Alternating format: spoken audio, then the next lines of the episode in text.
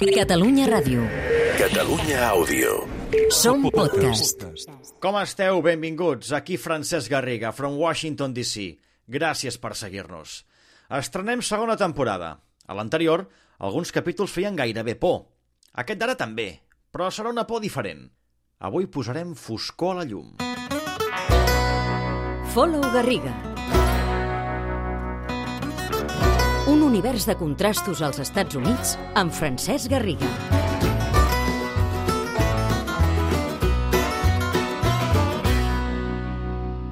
Aquest episodi té pistoles, té espases, té monstres, reis i reines, princeses i superherois, Barbie, Jedis i fins i tot polítics. La festa favorita dels nens i no tan nens.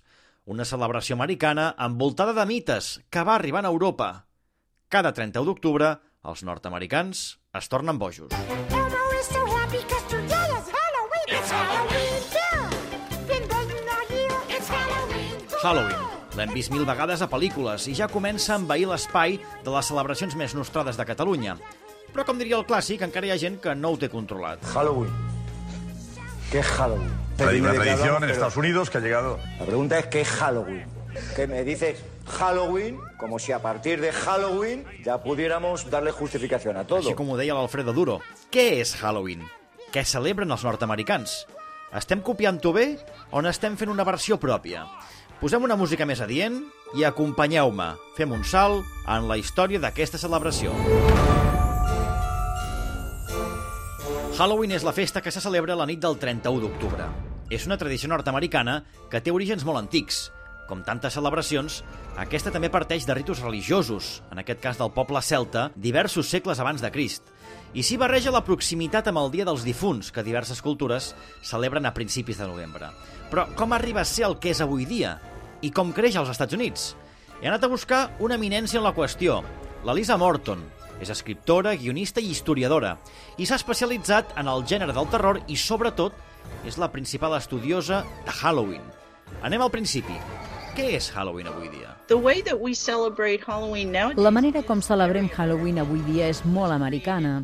Ho van iniciar immigrants irlandesos i escocesos a mitjans del segle XIX i a partir de 1935 és quan comença el ritual del crit o confit. I aquesta és la idea que tenim avui de Halloween. Nens disfressats anant de casa en casa recollint caramels.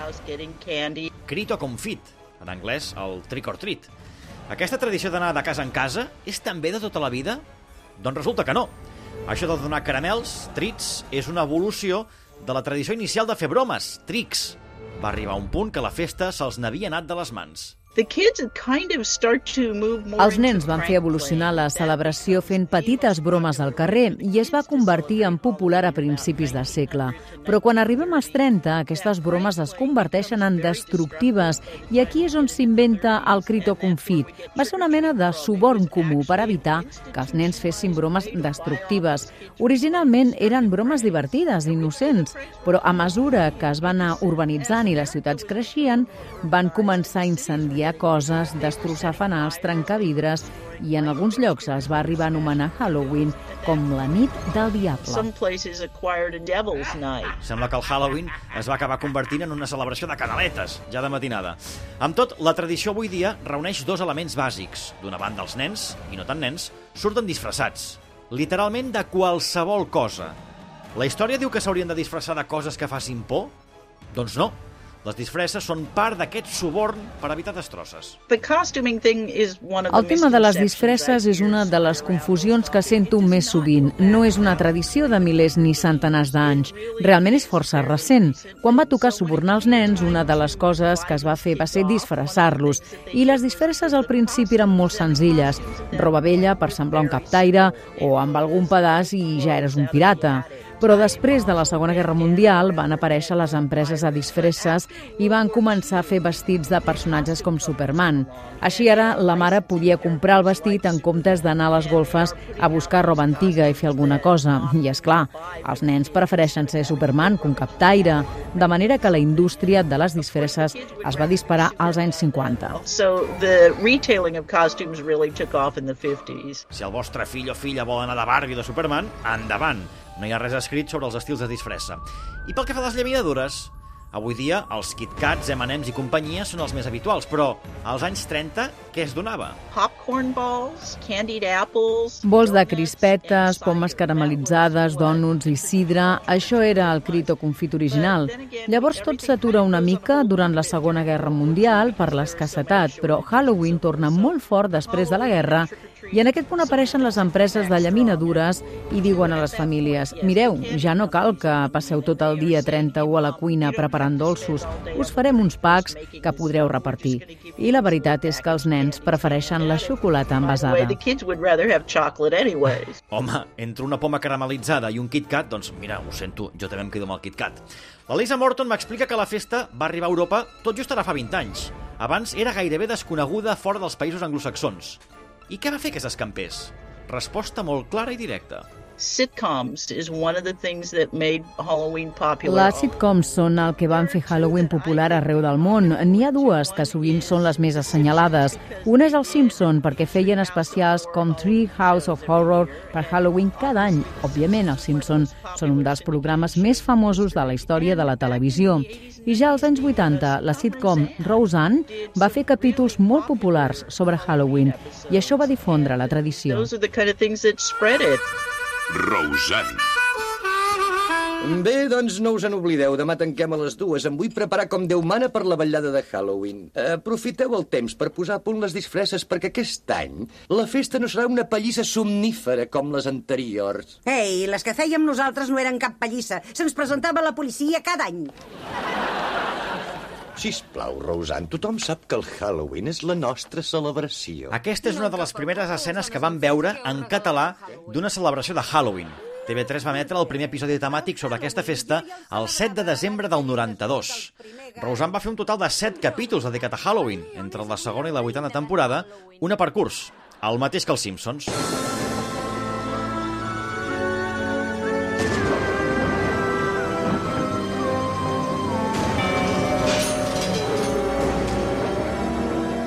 Horror Treehouse s'ha convertit ja en un clàssic de la sèrie dels dibuixos animats. Cada any, un episodi on s'expliquen contes de por, paròdies de pel·lícules o d'altres sèries. A l'estat espanyol va arribar l'any 1990. El primer episodi dels Simpsons dedicat a Halloween és de la segona temporada.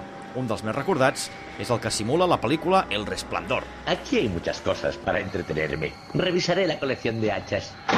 Hasta luego. Mamá, ¿nos va a matar papá? Pues no sé, habrá que esperar a ver. 33 especials han fet els Simpsons, culpables, juntament amb Roseanne, d'expandir aquesta festa a països aliens. I és clar, quan la cosa arriba, les passes s'han de seguir igual i retratar-ho en les sèries locals. És gairebé obligatori. A la mítica Plats Bruts ja se'n reien de tot plegat el capítol Tinc castanyes, de la segona temporada, l'any 1999. Però què t'ha passat? Qui t'ha mossegat? Que és Halloween, López. Què dius que és? Halloween. El dia dels morts, López. Perdona, avui és Tots Sants, la, la, la castanyada. El, el Holiday on Ice aquest de què va? La festa ha arribat a casa nostra, sí, però tornem als Estats Units.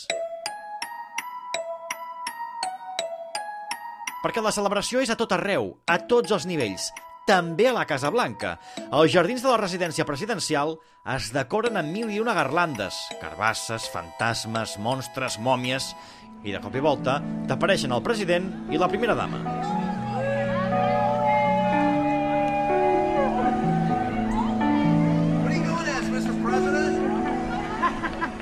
A la festa del 2023 fa fred i plou, és al carrer, però Biden surt sense paraigües, acompanyat de la seva dona Jill Biden, ella disfressada de gateta. Us imagineu això en un altre país? No cal posar exemples. Aquí pot semblar ridícul, però tot plegat fa certa patxoca. Hi ha una petita orquestra que va tocant música, ja sigui temes de por o populars com aquest.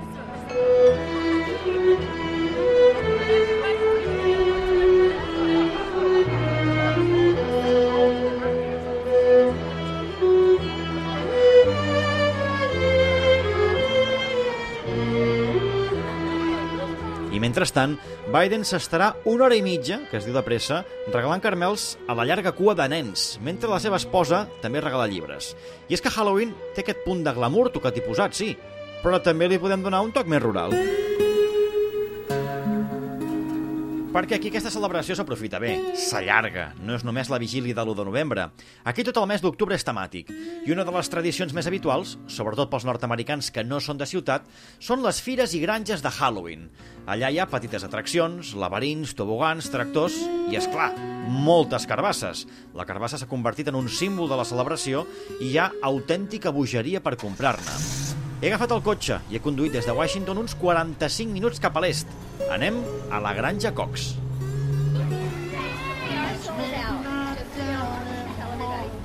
És gairebé un parc temàtic rural. L'aparcament sol té capacitat per centenars de vehicles i la cua per entrar és bastant bèstia. Hi ha molta canalla, però també gent de més edat que ve a treure el cap o a comprar carbasses. Jo he quedat amb el responsable de la instal·lació. No és el propietari, però és qui fa de tot perquè això rutlli des de fa més de 30 anys. És el Marco, nascut a Honduras i que arriba una mica tabalat però molt disposat a xerrar una estona. Marco, Hola, ¿cómo está? muy bien, ¿usted? Muy bien, gracias. Estamos haciendo un reporte de qué es esto, de Halloween y demás, y me dijeron, tiene que hablar con Marco, que lleva aquí 300 años trabajando. 300 años, antes de Cristo. M'ensenya una mica el panorama, però ens aturem a la zona de més carbasses. Són la joia de la corona. Comencem per situar-nos. Esta es una, una granja con una tradición de 50 años, esto de, de celebrar el Halloween. ¿Y cuántas calabazas se pueden vender aquí en un día? Oh, aquí, por ejemplo, el día de ayer se vendieron más de 2.000 calabazas. En un día, 2.000 calabazas. Sí, solo lo que he vendido. Y aquí, ayer por lo menos se fueron unas 12.000 calabazas de estas pequeñas. Por ejemplo, estas son ornamentales. Aquellas son para consumo. A ver, cuénteme, porque esto no lo sabía. Hay diferentes tipos de calabaza, entonces. Oh, sí, hay uno que es especial para cocinar. ¿Y para cocinar hay algún plato típico de Halloween que la gente prepare estos días? Oh, sí, el pumpkin pie, ese es el tradicional de Halloween. Y hay una calabaza especial para hacer ese, ese pastel. Es como de este tamaño, de esta forma, ¿sí? Más redondita. Ajá, ma- no es ni grande ni es mediana. Vale, o sea, tenemos la, la- la de cocinar, uno, la ornamental. ¿Y esta no se, no se podría comer? Ah, no es veneno, no es veneno. pero, Pero no es tan buena. no es tan buena, no sabe bien. Pero aquellas otras, ese es especial para hacer en el horno, queda muy riquísimo. Una calabaza grande, ¿cuánto puede pesar? Ahorita hay una que está pesando más de 700 libras. ¿Cuántas calabazas cree usted que pueden pasar por aquí estos días? Creo que por lo menos serían unas 100.000 calabazas. ¿Le gusta traba- trabajar aquí? Ah, me encanta. Para la pandemia, ok, dijo el gobierno, ha dicho que hay que cerrar muchas partes, solo trabajadores esenciales. Le dije, yo soy trabajador esencial y yo me voy. Muy bien, pues nada, pues muchas gracias, Marco. Un home molt entranyable. Per cert, 700 lliures són 300 quilos. Imagineu-vos una carbassa de 300 quilos. Però ara vull aprofitar per anar a parlar amb alguns dels visitants. Vull veure com viuen aquesta celebració els nord-americans. Hi, how are you? I'm a journalist from Barcelona doing a piece about Halloween and traditions. Would you mind if I ask you a couple of questions about sure. what are you doing here today? Uh, we like to come out to a pumpkin patch every year. We you know we try to pick a different one in the area, and we always love coming here. We came here a couple years És una ago. família de pare, mare i dos fills adolescents. Diuen que venen cada any i em deixen anar quines són les seves sensacions. Són en Marc, la Jèssica i en Mori. Uh. Uh, Solíem venir quan érem petits amb el meu germà, així que venir aquí em porta records, em porta una nostàlgia bonica. Uh, something Això de les disfresses és per a totes les edats. Recordo de petita que m'encantava. Mesos abans ja pensava quina em posaria, com la prepararia. Era la millor part per mi. that was a big part of it for me. It's a way to build community. És una manera de construir comunitat. Els nens del barri venen a casa teva, t'expliquen les disfresses, et trobes amb els pares, comparteixes una copa de vi.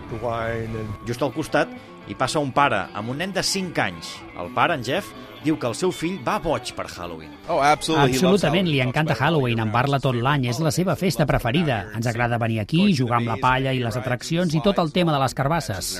I no me'n puc estar de preguntar al fill què és el que més li agrada, de què anirà disfressat. Em diu que de Kylo Ren, de Star Wars.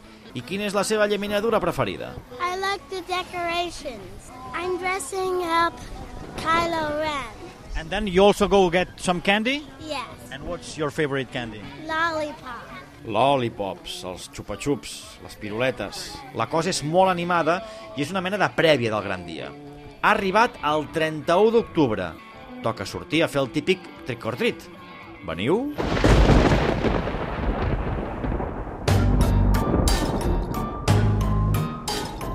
Els carrers dels barris residencials tenen la majoria de cases decorades. He decidit anar a Arlington, a 15 minuts de casa, ja a l'estat de Virgínia, però a tocar de DC.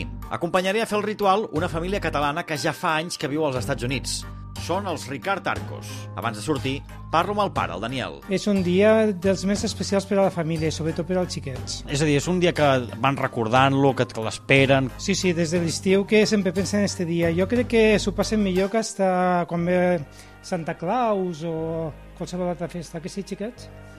I les decoracions, eh, així com a, diguem, a Catalunya al pessebre hi ha una data per posar-lo i per treure aquí, hi ha alguna data aproximada que dius, mira, a partir de tal data ja la gent comença a decorar les cases. Eh, normalment és a partir de l'1 d'octubre. O sigui que tenim un mes que tenim als barris... Eh... Ja cada vegada hi veus l'evolució. Primer fiquen una mica de decoració i a poc a poc augmentant, augmentant, fins que està a reposar. Perquè, clar, entenc que vosaltres ara sortim a passejar per aquí, hi ha gent que els coneixeu, però també deveu anar a cases de gent que no sabeu ni qui són. O no Veritablement, los coneixem de Halloween.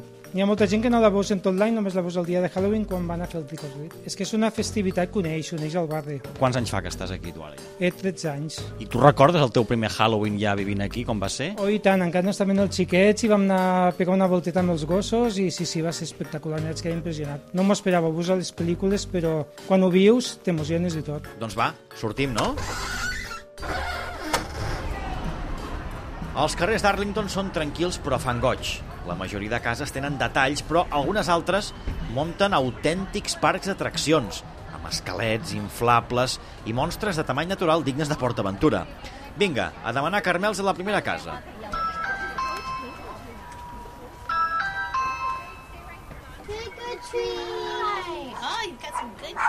Hi ha una norma no escrita per saber a quines cases trucar i a quines no. El Daniel me l'explica per tenir-ho en compte. So, la norma no escrita és que si no veus decoració fora, no or treat. Però a la casa que ve ara ja et dic jo que hi trucarem. Té una parada organitzada espectacular. Un esquelet gegant sembla que parla i tot.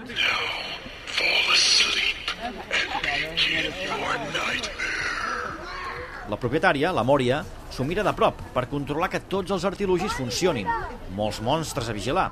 Igualment ens atén una estona. So this is amazing. How, how do you get ready for Halloween?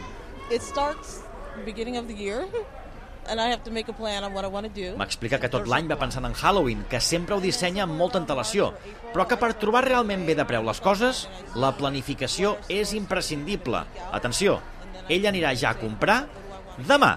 So like tomorrow, Demà al matí, a les 6, sortiré per anar a les botigues especialitzades. Tot té descomptes del 60 al 90% i puc comprar coses que crec que m'aniran bé en el futur. Avisa que el pitjor error que es pot cometre és comprar les decoracions a l'agost, que ja són caríssimes. Em diu que cada any, entre una cosa i una altra, es gasta uns 1.500 dòlars, tot i que, com que va acumulant material, potser els propers haurà de gastar una mica menys. I la pregunta, per què ho fa? uh, because it's fun and Perquè it's és divertit. Per mi, pels veïns, pels nens. M'encanta fer les decoracions, planificar-ho. És molta feina, però val la pena, perquè a la gent li encanta. I think it's worth it because everybody loves it. Tot plegat fa molta patxoca, és divertit, però ja porteu una bona estona passejant. Així que li pregunto al petit de la casa, el Guifré, si no és hora ja d'anar tirant. A veure, explica'm, quan, quan, quantes cases has anat ja? Um, 16. 16? I qu quants carmels portes ja? Portes molts? Sí, uh, com 30, no sé. Hi ha alguna casa que t'agradi més que unes altres? Sí, el, allí que ten un món. Escolta'm, vols dir que, vols dir que no n'hi ha prou ja? No hi ha, No hi ha prou. no n'hi ha prou de carmels? No? Encara en vols més? Sí. Com se sap quan arriba l'hora d'arribar a casa? Quan ja no podem més els adults, perquè si fora per ells no arribarien mai. És evident que costa molt renunciar a anar acumulant carmels, xocolatines i de més, però jo ja em retiro, que la família encara vol seguir una bona estona. Per mi és una celebració espectacular. Si teniu fills i mai podeu viatjar als Estats Units a finals d'octubre, busqueu tenir lliure la tarda vespre de Halloween. Els vostres fills, creieu-me, us ho agrairan. Així que res, m'avanço a la propera celebració i que vagi molt bé. Feliz, feliz Halloween. ¿Cómo se dice? Feliz Halloween. Feliz Halloween. Grupo, soy Vanessa.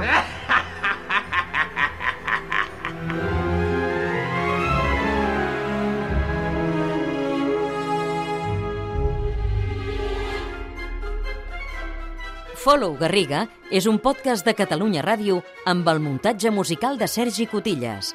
Redacció i realització, Francesc Garriga. Catalunya Ràdio. Catalunya Àudio. Som podcast.